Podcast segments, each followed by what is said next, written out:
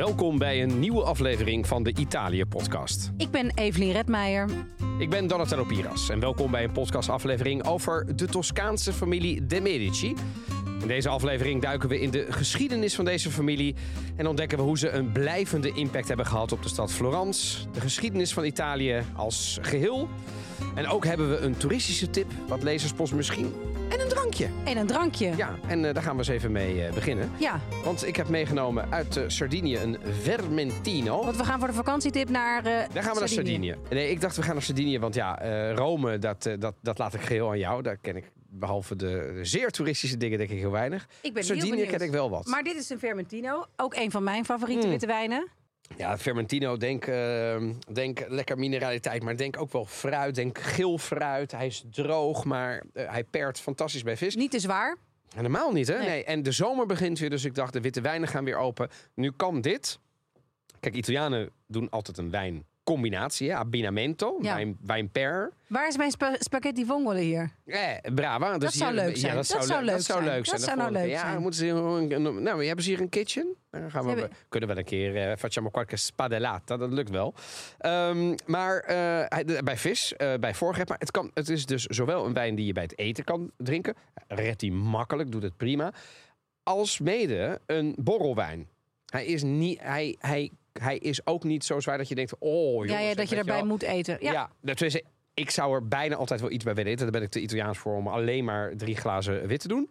Maar voor de luisteraar die zegt, ja, maar gewoon lekker wijntje op de namiddag. Het is zondagmiddag. Doen. En dat kan met deze eh Prendas Vermentino di Sardinia.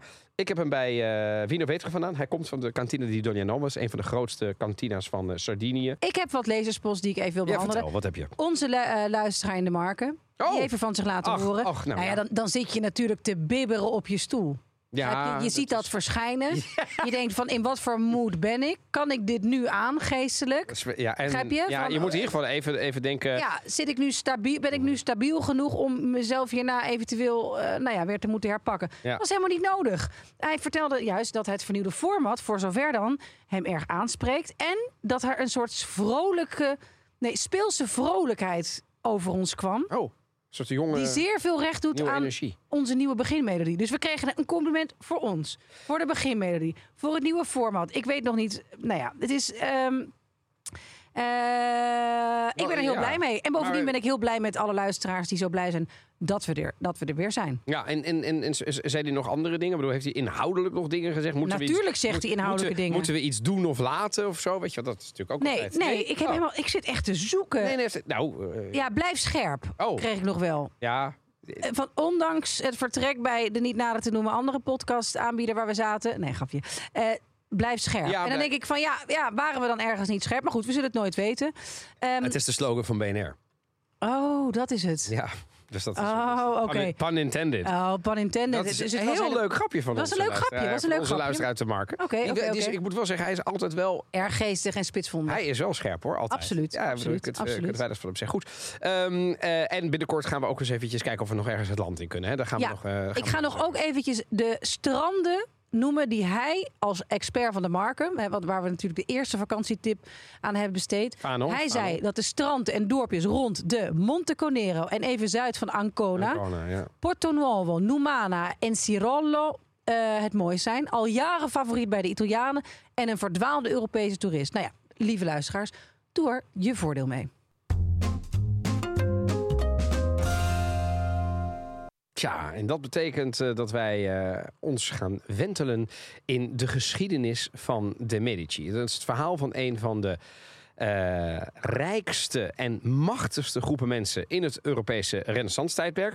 Wereldberoemd vanwege nou, bevordering van kunst, onderwijs, cultuur en het bezoeken van de plaatsen waar ze hebben gewoond. Ja, dat is eigenlijk al een reis terug in de tijd eh, om een van de belangrijkste momenten in de Europese geschiedenis te ontdekken, die Renaissance namelijk. En er is geen twijfel dat geschiedenis- en cultuurliefhebbers onder onze luisteraars ja, een bezoek aan plaatsen zoals Piet, hè, Palazzo Pitti, eh, eh, de, de Barbini-tuinen. Boboli-tuinen. Boboli-tuinen ook. Oh, de Bardini-tuinen. Ja, ja, Oh, ja, sorry. Maar wat ze zei, want hun heerschappij ging natuurlijk verder dan alleen maar Florence. Dus dat was, hè, het ging verder dan alleen maar Florence. Het ging over Toscane.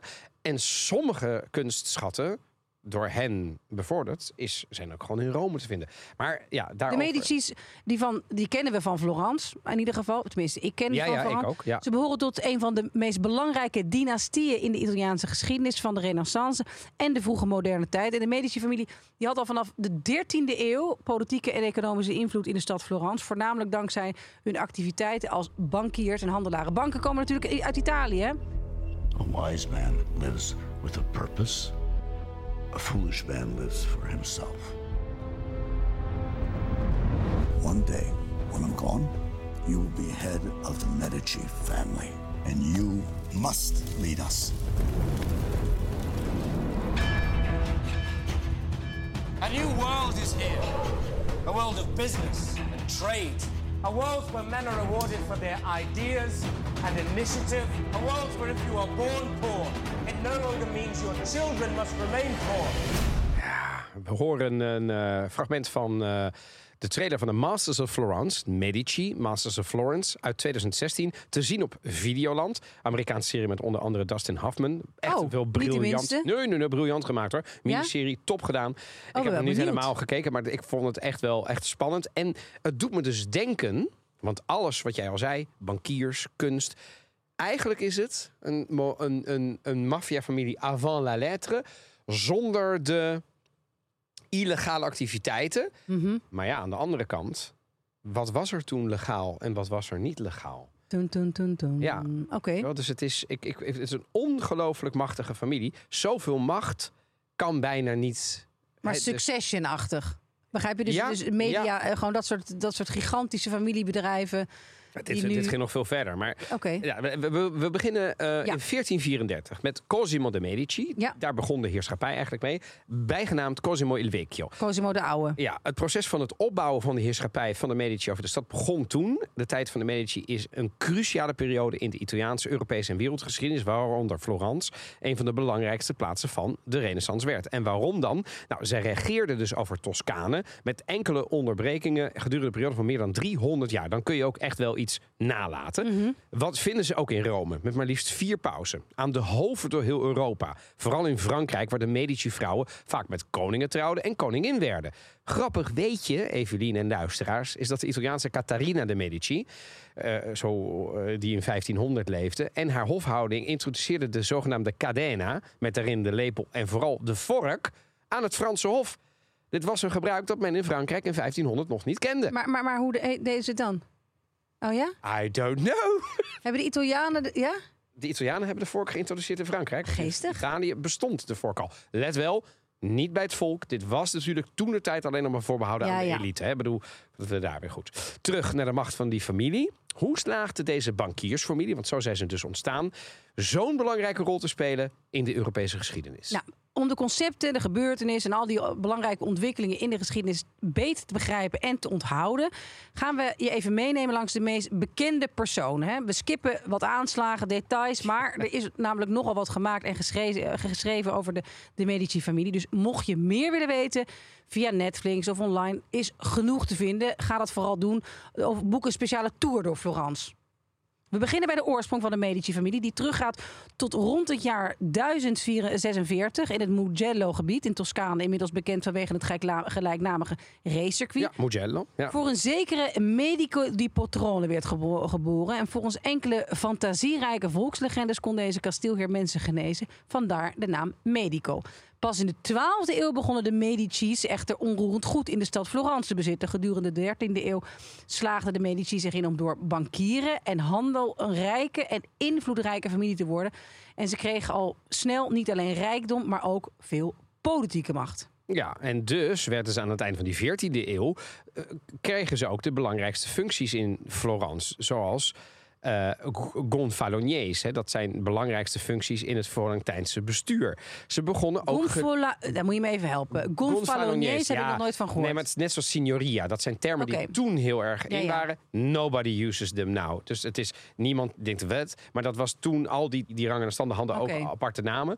Ehm, eh, en wat belangrijk was in die tijd, en onthoud dit, want we komen daar zo over een paar minuten op terug toen het eindigde. In deze periode begonnen ze geliefd te worden bij het gewone volk. Echter, Salvestro de Medici, bijgenaamd Chiarissimo, een van de belangrijkste leden van de familie, werd in 1378 verbannen vanwege zijn betrokkenheid bij de zogenaamde Ciompi-opstand. En voor Florentijnen zijn de namen Cosimo en Lorenzo bekender dan die van Dustin Hoffman. Hè, dankzij die eh, populaire serie Medici Masters of Florence. De Medici regeerden de stad Florence drie eeuwen lang. Droegen bij aan het feit dat het bakermat van de renaissance werd. Wereldwijd bekend werd om macht. En nauwe banden had met de kunstenaars uit die tijd. Giovanni de Medici, de bankier, kwam uit een bescheiden achtergrond. Zijn familie, afkomstig uit het Mugello-gebied, die was betrokken bij handel en landbouw. En alles veranderde met Giovanni, die het bank, bankiersvak leerde van zijn oom Vieri de Medici. En hij vergaarde een fortuin door de Medici-bank in Florence op te richten. Die dankzij diensten als deposito's, Italiaanse woord, valuta-omzetting en investeringen in de stoffenhandel de machtigste en beroemdste bank van de 15e eeuwse, eh, van 15e eeuws Europa werd. Ja, en dus eh, kunnen we wel zeggen dat de bankenwereld is ontstaan door de familie de Medici. En de banken zijn ook ontstaan in Toscane. Hè, Banco de Monte dei Paschi di Siena, de Medici Bank. Ja, de oudste bank ter wereld is Monte, eh, Monte dei Paschi di Siena. Ja. Bestaat nog steeds. Nou, dit bracht de familie de Medici in de Florentijnse Signoria. Dat, is het, dat heb jij vaak, vast ook wel gehoord Ja. hè? In, in Florence. Het bestuursorgaan eh, van Florence. Dat werd beheerd door Florentijnse handelscorporaties. Die hadden de macht. In de loop der tijd werden ze de grootste en de belangrijkste financiers van politieke instellingen in Europa. De bankiers van de paus. Dus ze hadden invloed op alle fronten. En de populariteit groeide ook onder die burgers nog steeds. De acties van die Giovanni, zoals het invoeren van een onroerend goedbelasting, let op, verrijkte de stad en hun financiering van kunstwerken, paleizen en kerken maakten het tot een cultureel en artistiek centrum dat door de hele wereld werd benijd. Maar let op, zo'n belasting die werd aanvankelijk door die signoria helemaal niet goed ontvangen. Want het betekende dat alle rijke families dus geld moesten gaan afstaan. Dat was er tot die tijd niet. En die mensen die dachten, ben je helemaal gek geworden? Gaan we niet doen. Want ja, het was een onroerend goedbelasting. Ja, wie had er nou onroerend goed? Alleen maar die mensen die ook in de signoria Ja, zaten. Dus ja. nou, Giovanni die gaf dus bijvoorbeeld opdracht aan Brunelleschi... voor de renovatie van de San Lorenzo-kerk. Stierf voordat het werk voltooid was... waardoor alles in handen van zijn zoon Cosimo werd achtergelaten. Cosimo, bijgenaamd Il Vecchio, de oude, zette met wijsheid en ambitie het werk van zijn vader voort door kunst en cultuur te sponsoren in hun, en hun commerciële macht te vergroten. En hij werkte samen met kunstenaars als Donatello in Lippi en gaf opdracht aan Michelozzo voor de bouw van het Palazzo Medici Riccardi aan eh Brunelleschi voor de koepel Ja. van de Duomo in Florence. En hij was op dat moment de rijkste man in het land. En de familie wordt niet voor niets de groothertogen van Toscane genoemd. Ja, nou, van Cosimo gaan we naar Lorenzo. Die werd Il Magnifico genoemd, kleinzoon van Cosimo. Synoniem met glorie en pracht in Florence. Hij overleed op nog geen 30-jarige leeftijd. eh, overleefde hij, moet ik zeggen. Hij de zogenaamde Pazzi-samenzwering. Dat is de grootste samenzwering in de geschiedenis van de familie. Gaan we niet nader op in, want dat is weer een hele eh, aflevering. Maar als een ware vorst bracht hij toen de renaissance en het humanisme tot een hoogtepunt. Zowel op artistiek, op cultureel, als op literair gebied. Financierde kunstenaars zoals Botticelli, Michelangelo. Hij veranderde eigenlijk voor altijd het artistieke erfgoed in de geschiedenis van Florence, van Toscane en van Italië. Maar goed, als er op een gegeven moment een gigantische stijgende lijn is, Eh, dan ga je op een gegeven moment ook vallen. Dat kan niet anders. Ja, want ze bestaan nu niet meer, dus er is ergens Nee, iets er is iets misgegaan. Ja, er is iets misgegaan. Nou, het machtsvertoon van de Medici die dat leek ongekend te groeien en wekte de bezorgdheid op van andere invloedrijke Florentijnse families. In september 1433 besloten rivaliserende families Cosimo en enkele familieleden in ballingschap te sturen om een ogenschijnlijk oncontroleerbare opkomst een halt toe te roepen. En Ja, Cosimo ging naar dus. Venetië, waar de droge, waar de, waar de, waar de De dogen. de Dogen, een vriend van de De familie, hen als vooraanstaande gasten verwelkomde. En waar ook een filiaal van de Medici-bank was gevestigd. Daar ging Oh, in, hij in dus heen. Venetië. Ja. Interessant. Nou, en hij gaat dan dus terug naar Florence in 1434 en vestigt daar een regime. Tijdens zijn afwezigheid verstevigde Cosimo de internationale banden van de familie verder. En bij zijn terugkeer perfectioneerde hij zijn controle over het verkiezingssysteem van de stad. En vestigde hij effectief een regime. Desalniettemin behield Florence formeel de status van een republiek. Cosimo consolideerde zijn macht door een zeer strakke controle op openbare functies uit te oefenen en verkiezingen te manipuleren. Niet echt een lekker type, hè? Om belangrijke posities te verkrijgen voor de controle over de stad. En ondanks dat werd Cosimo's autoriteit nooit wettelijk erkend. Behalve postuum in 1465, een jaar na zijn dood, toen hij de titel van Pater Patriae, vader van het vaderland kreeg. Vader je vaderland. Ja. Nou ja, Cosimo de Oudere die financiert de belangrijkste kunstenaars van die tijd, zoals gezegd. Richt de zogenaamde eh Neo-Platonische Academie op. Cosimo was naast politicus, zakenman, ook een geleerde, een kunstliefhebber. En hij bracht ook tijd door met humanisten van zijn tijd, die klassieke teksten verzamelden. Nou, zijn mecenaat financierde kunstenaars zoals Brunelleschi, Donatello, Gilberti, maar ook humanisten. Hij stichtte instellingen zoals die academie. In een tijd waarin kunstenaars nog steeds als ambachtslieden werden behandeld, deed hij iets anders. Hij behandelde hen als vrienden. Cosimo die oudere die overleed in 1464 en zijn zoon Piero regeerde over Florence tot 1469. Maar ondanks Piero's gezondheidsproblemen wist hij de bezittingen van Florence te verdedigen, het prestige van de stad te behouden en het immense culturele erfgoed voor te zetten door het ondersteunen van werken van kunstenaars zoals Botticelli, zoals Donatello en zijn zonen, Lorenzo en Giuliano genaamd, werden opgeleid door de beste geleerden van die tijd en erfden samen de heerschappij over de stad Florence. En in 1478, met medeplichtigheid van Paulus Sixtus IV, pleegde de invloedrijke Florentijnse familie Pazzi een aanslag op de twee broers in de kathedraal van Santa Maria del Fiore, bekend Oh. als de Pazzi-samenzwering. Dit is gewoon Succession. Ja, dit is succes. Ja, dat ben ik wel met je eens. Maar, Ja. maar weet je, we gaan zo een beetje richting het einde straks. Maar wat ik, als je dit zo hoort, achter elkaar. Dat, je kunt niet zoveel macht hebben zonder. Kijk ook naar de, naar de keizers in Rome. Zonder to- toch af en toe ook iets te doen wat door de huidige wetten niet meer getolereerd zou worden, Evelien. Nee, de, dit, dit kan toch niet anders? nee, natuurlijk niet. allemaal, ja, Nee, dus ze zeggen ook wel eens dat macht eh, corrumpeert Nou. natuurlijk. Eh, en als je daar eenmaal aan geroken hebt, dat je alles zult doen om dat... ze hebben eh, alles. Deze ja, hebben alles. om, om, om nog meer te krijgen. Maar het, het is wel, zij hebben ook voor het prachtige, de, de, de, de culturele rijkdom in Florence gezorgd. Nee, zeker. Want we gaan nu naar het einde van die Medici-familie. Bumpy ride voor deze dynastie in de 17e, eh, 17e eeuwse Italië. Dus allerlei plagen en problemen eh, kwamen ze tegen. Maar hoe kwam die familie nou tot het einde? Naarmate de tijd verstreek, begonnen de eens zo geliefde Medici steeds minder populair te worden bij het hongerige volk. Zoals er vaak bij heersers en leiders gaat, hè? Dat is op een gegeven moment, de liefde bekoelt heel snel. Ja, ja, op een gegeven moment, eh, weet je, je bent eh, heel lang premier. En op een gegeven moment, nou, we Ja. moeten hier niet meer. Wegwezen. Ze werd, nou, in Nederland valt het wel mee, geloof ik. Er mag iemand heel lang premier Ja, blijven. maar ook hij komt oh, op een gegeven moment ra- en denken: nee, nee, ook Mark Rutte. Nee, Ja? niet meer. Ja, dat, denk- ja, bedoel, niet anders. Er is nooit iemand geweest die het altijd heeft volgehouden. Nee. Nee. Ze werden vergeten in de schaduw van vroegere grootsheid. En toen kwam het onvermijdelijke moment waarop de familie geen erfgenamen meer had. Oh ja. Maar, geen zorgen, er waren nog de andere spelers klaar om het podium over te nemen. Geen erfgenamen. Nee. Iedereen is gewoon opgehouden met seks hè, binnen dat- die familie. Nou ja, ja ik, Of- ik of weet als niet. vrouw. Of als dat, dat laatste. Ja, hè? Volgens mij was de, de, de, de laatste was een dame, geloof ik. oh ja. Ja.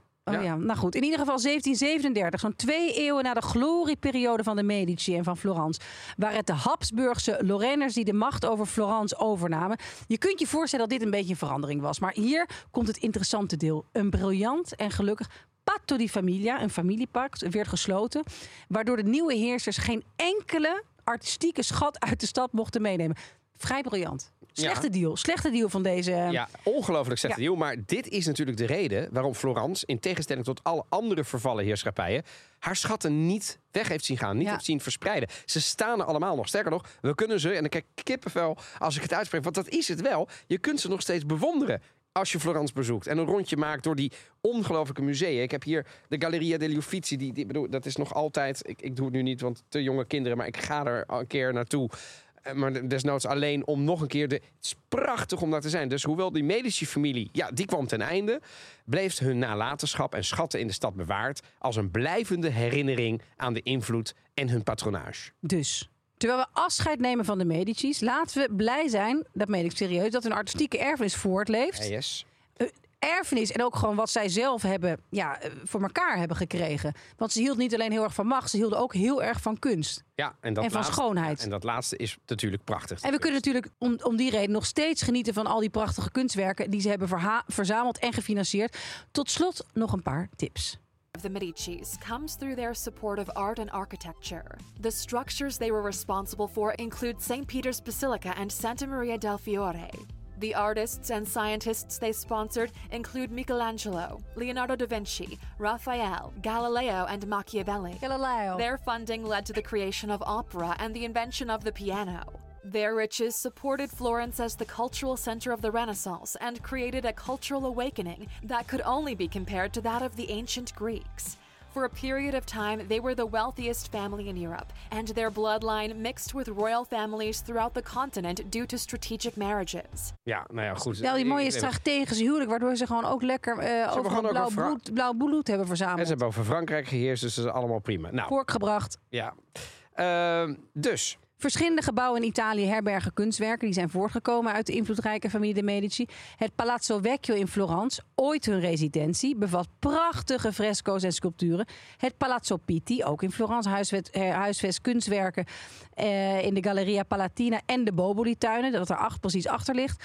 En in Rome is de Villa Medici een prachtige plek waar kunstenaars worden ondersteund. En deze gebouwen weerspiegelen de blijvende erfenis en ook wat gedachtegoed van de Medici-familie in de kunstwereld. ja, en dan nog heel even terug naar die Uffizi waar ik het over had. Het oorspronkelijk een kantoorgebouw genaamd de Uffizi in Florence. Ehm, het werd later dus een kunstmuseum, maar dat is, eigenlijk was het een beetje de family office van de Medici's. Oh ja. Dat was het. Ja, ja, En nu, ja, eh, eh, echt een indrukwekkende kunstcollectie. Gebouwd door de familie zelf in de 16e eeuw. Het diende als hun administratief en gerechtelijk centrum. En na verloop van tijd begonnen ze hun privécollectie kunstwerken in de Uffizi tentoon te stellen. En daardoor groeide het dus uit tot een prachtig museum. Ja, onder andere de, de geboorte van Venus. Maar ik bedoel, als je alleen al, ze staan er zelf ook een paar keer op. Ja. Die- Weet je, die, die Cosimo herken ik met dat- Cosimo, maar Lorenzo de Medici toch Ja, ook met die ja. zwarte krullen? Ja, ja, ja, precies. Dus, maar, maar goed, joh, ik, ik, ik, echt, het is natuurlijk allemaal klassieke kunst. Het is renaissance kunst. Maar het is prachtig eh, om, eh, om naartoe te gaan. En tot slot deze ehm, nog waar je de hele familie de Medici kunt zien hangen. A fresco dating from this period can be found in the Magi Chapel, the procession of the Magus Caspar.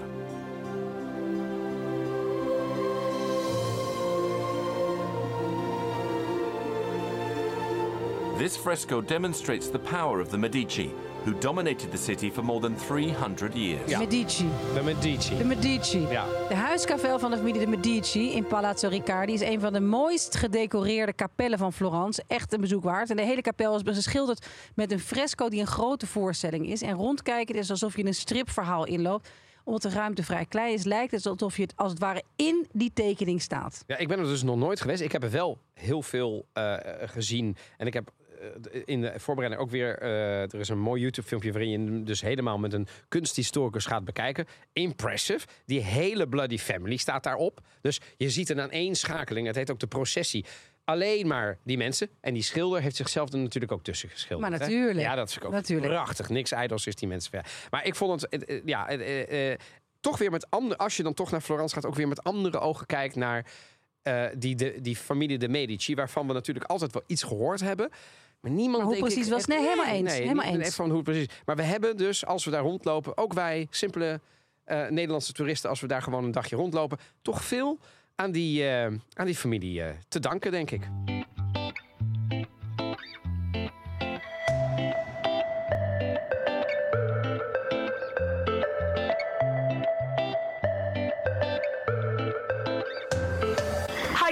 Welcome back to my channel and welcome to a very exciting video because I'm going to take you on a boat trip to explore what is known as the Maldives of Italy, the archipelago della Maddalena. Hope you enjoy it. De Maldives. Ja, de Maldives of, of Italy. Ik, ik- ik- het, het is, eh, ik weet dat er een eh, plekje in Puglia is waar ze dit ook doen. Maar ik kan niet anders dan eh, als rechteraarder Sardijn zeggen... ga niet naar de Costa Smeralda. Daar, daar- daar, moet je eigenlijk niet zijn, want het is allemaal eh, dull en overrated. En grote jachten en over, overpriced het is, oh, het is dull en overpriced, echt. Het is overpriced, want 8 euro voor een kopje koffie is nergens te rechtvaardigen. Nee. En eh 124 euro voor een lichtbedje voor een hele dag ook niet. De- eens. En dat, Waar en- moeten we dan wel heen? Je moet wel naar de Maddalena Archipel. Ook wel bekend dus als deze dame zei, de Malediven van Italië. Tussen Sardinië en Corsica. De Bocche di Bonifacio. Dan moet je met het schip, heb je daar wel eens dat je denkt, ik word misselijk. Want eh, nou, het, hè, het waait daar nogal. Mooie surfplek. Een betoverende verzameling eilanden. Rotsachtige eilandjes omgeven door turquoise water. Niet bedacht. Niet een Instagram filter. Het is echt zo. En een van de meest adembenemende landschappen ter wereld. Waar ik in ieder geval geweest ben. Beschermd vanwege de bijzondere natuurwaarden. Het is sinds de jaren 90 het eerste nationale park in Sardinië. En het strekt zich uit, deze archipel, over meer dan 20.000 hectare land en zee. 180 kilometer kustlijn. En het zijn meer dan 60 eilandjes, groot en klein. Gevormd door de wind en de stroming. Zoals Caprera, Razzoli, Santa Maria, Santo Stefano. Ehm, je kunt het bereiken. Ik heb het, je kunt het vanaf verschillende plekken bereiken. Zoals Santa Teresa di Gallura of Baia Sardinia. Ik heb het gedaan vanaf Palau. Dan neem je gewoon een pontje. Dan kom je op eh, La Maddalena, op het hoofdeiland. Of een van de hoofdeilanden. Ja, en mijn tip is... Ga dat met een boot doen. En pak nou, probeer nou niet zo'n toeristische boot te pakken die er drie aandoet. Huur gewoon een eigen boot. Er zijn een heleboel van die jongens die in de zomer een boot hebben en die verhuren. Mhm. Als je zelf schipper bent. Als je dat niet bent, huur je er gewoon in met een schipper. Wij hebben Mhm. dat toen gedaan met twee families en hele jonge kinderen. Gewoon op die boot. Allemaal zwemvestje aan? Allemaal zwemvestje aan. Nou, behalve als je... ehm, Nee, de kindjes. ja, ja, de kindjes sowieso. Ehm, eh, en, en, je kunt, en, en dan kun je zelf bepalen waar wil je stoppen. Oh ja. Waar wil je even voor anker gaan? Doe dat nou niet op die plekken waar al die grote toeristenboten dat dan ook doen, want er is geen bal aan. Er zijn ook plekken waar je niet mag komen. Er is bijvoorbeeld La Spiaggia Rosa. Dat Ben ik werd, geweest. Ja, daar, toen het nog mocht. Nee, ik heb de enige inwoner van het eiland eh, geïnterviewd. Kijk. De wachter van het eiland. Want, daar mag je en, waarom is, en, nou, en waarom is daar een wachter? Wat gebeurde daar? Nou ja, omdat iedereen dat roze zand de hele tijd meenam. Dus dus- er zat een hele aparte man eh, die op blote voeten daar... Hij een had soort niks. Robinson Crusoe. Echt een Robinson Crusoe. Serieus, hij had niks te drinken behalve rode wijn. Kwam er om tien uur 's ochtends aan. Ja, je mo- het moet. Ja, kan niet anders. Oh. Maar, eh, en, die was, en die zat daar de hele dag. Ja, dat was de wachter van het eiland. En die heeft daar 20 jaar, der- eh, 20 jaar gezeten of zo. Omdat inderdaad op dat Boudelli, dat prachtige roze zand, werd mee naar huis genomen. Het is ook een beetje dat lichtroze. Ja. Het is prachtig. Het is heel dat bijzonder. garnaalroze. Het is heel mooi. Maar dat werd dus geroofd. En dus Ja. nu, mag je, er- nu mag je er alleen nog maar naar kijken. En terecht. Eh hè, parels voor de zwijnen. Maar er zijn ook allerlei plekken waar je zeg maar, de toeristen dan misschien niet komen. Kan die boot wel komen. Ja. Daar even lekker aan. Een half uurtje in de zon. Een beetje van het land, van, van het kabbelende water genieten. Dus ik heb het gedaan. Een dagtochtje. Of beter een middagje. Je kunt grotten bezoeken. Het is meer dan de moeite waard. Ik kan niet, niet een niet-toeristische tip noemen. Maar je can take it from me dat het meer dan de moeite waard is. En het geld dubbel en, En dwars waard. Echt hoor, dat is, eh, tenzij je wordt afgezet. Maar de luisteraar van de Italië-podcast... Die laat zich niet afzetten. Kom op zeg. Toch? Nee. Nee, dat is, dat is, eh, Uitgesloten. dat is, eh, dat is Hebben uitgesloten. we ook een mooie aflevering over gemaakt. Tourist Traps. Zeker van een waar. jaar geleden of zoiets. Ja, is de zeker. moeite waard. Ja, zeker Ik de vind het een waard. goede, goede ontwikkeling, onze vakantietips. Ik denk dat mensen daar heel blij mee zijn. Ik hoop het maar. Ik moet Ja. een foto sturen, hè, ook dit keer. Ja, ik wil dat mensen daarheen gaan. Als de mensen daarheen gaan, moeten ze dus even laten weten dat ze daar zijn geweest. Foto's sturen en eh, ons op Instagram, waar we op Italië Podcast te vinden zijn, eh, voor nog meer content. Wil je ondertussen nog meer afleveringen van Italië Podcast luisteren? Je vindt ons in de favoriete ko- podcastplayer. Volgende week gaan we iets heel spannends doen. Oh? Het heeft te maken met crime. Ik kan er nog niet te veel over zeggen. Oh. Ja, Messina? eh, nee. Oh, joh, Nee. jongens, het is allemaal zo Nee, spannend. spannend hè? Spannend. Ja, true crime weer? Ja, true crime weer. True crime Ja, weer. Ik, ben er- heel erg benieuwd. Wij zitten. Wij, wij, wij zouden elkaar bijna in Rome kunnen zien, maar dat gaat net niet lukken, helaas. Nee, nee, dat gaan we net, volgens mij ga jij een dag... eh, Ja. We zijn er wel gezamenlijk, maar we hebben allemaal activiteiten. In ieder geval hartelijk dank voor het luisteren. Wil je adverteren in deze podcast? Stuur dan een mailtje en informeer naar de mogelijkheden op adverteren@dagennachtmedia.nl.